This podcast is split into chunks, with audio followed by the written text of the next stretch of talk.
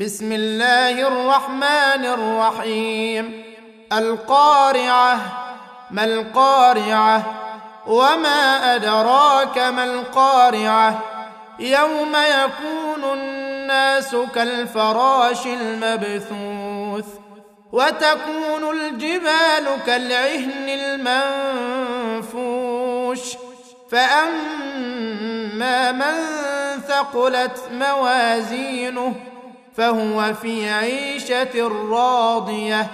وأما من خفت موازينه فأمه هاوية. وما أدراك ما هي؟ نار حامية.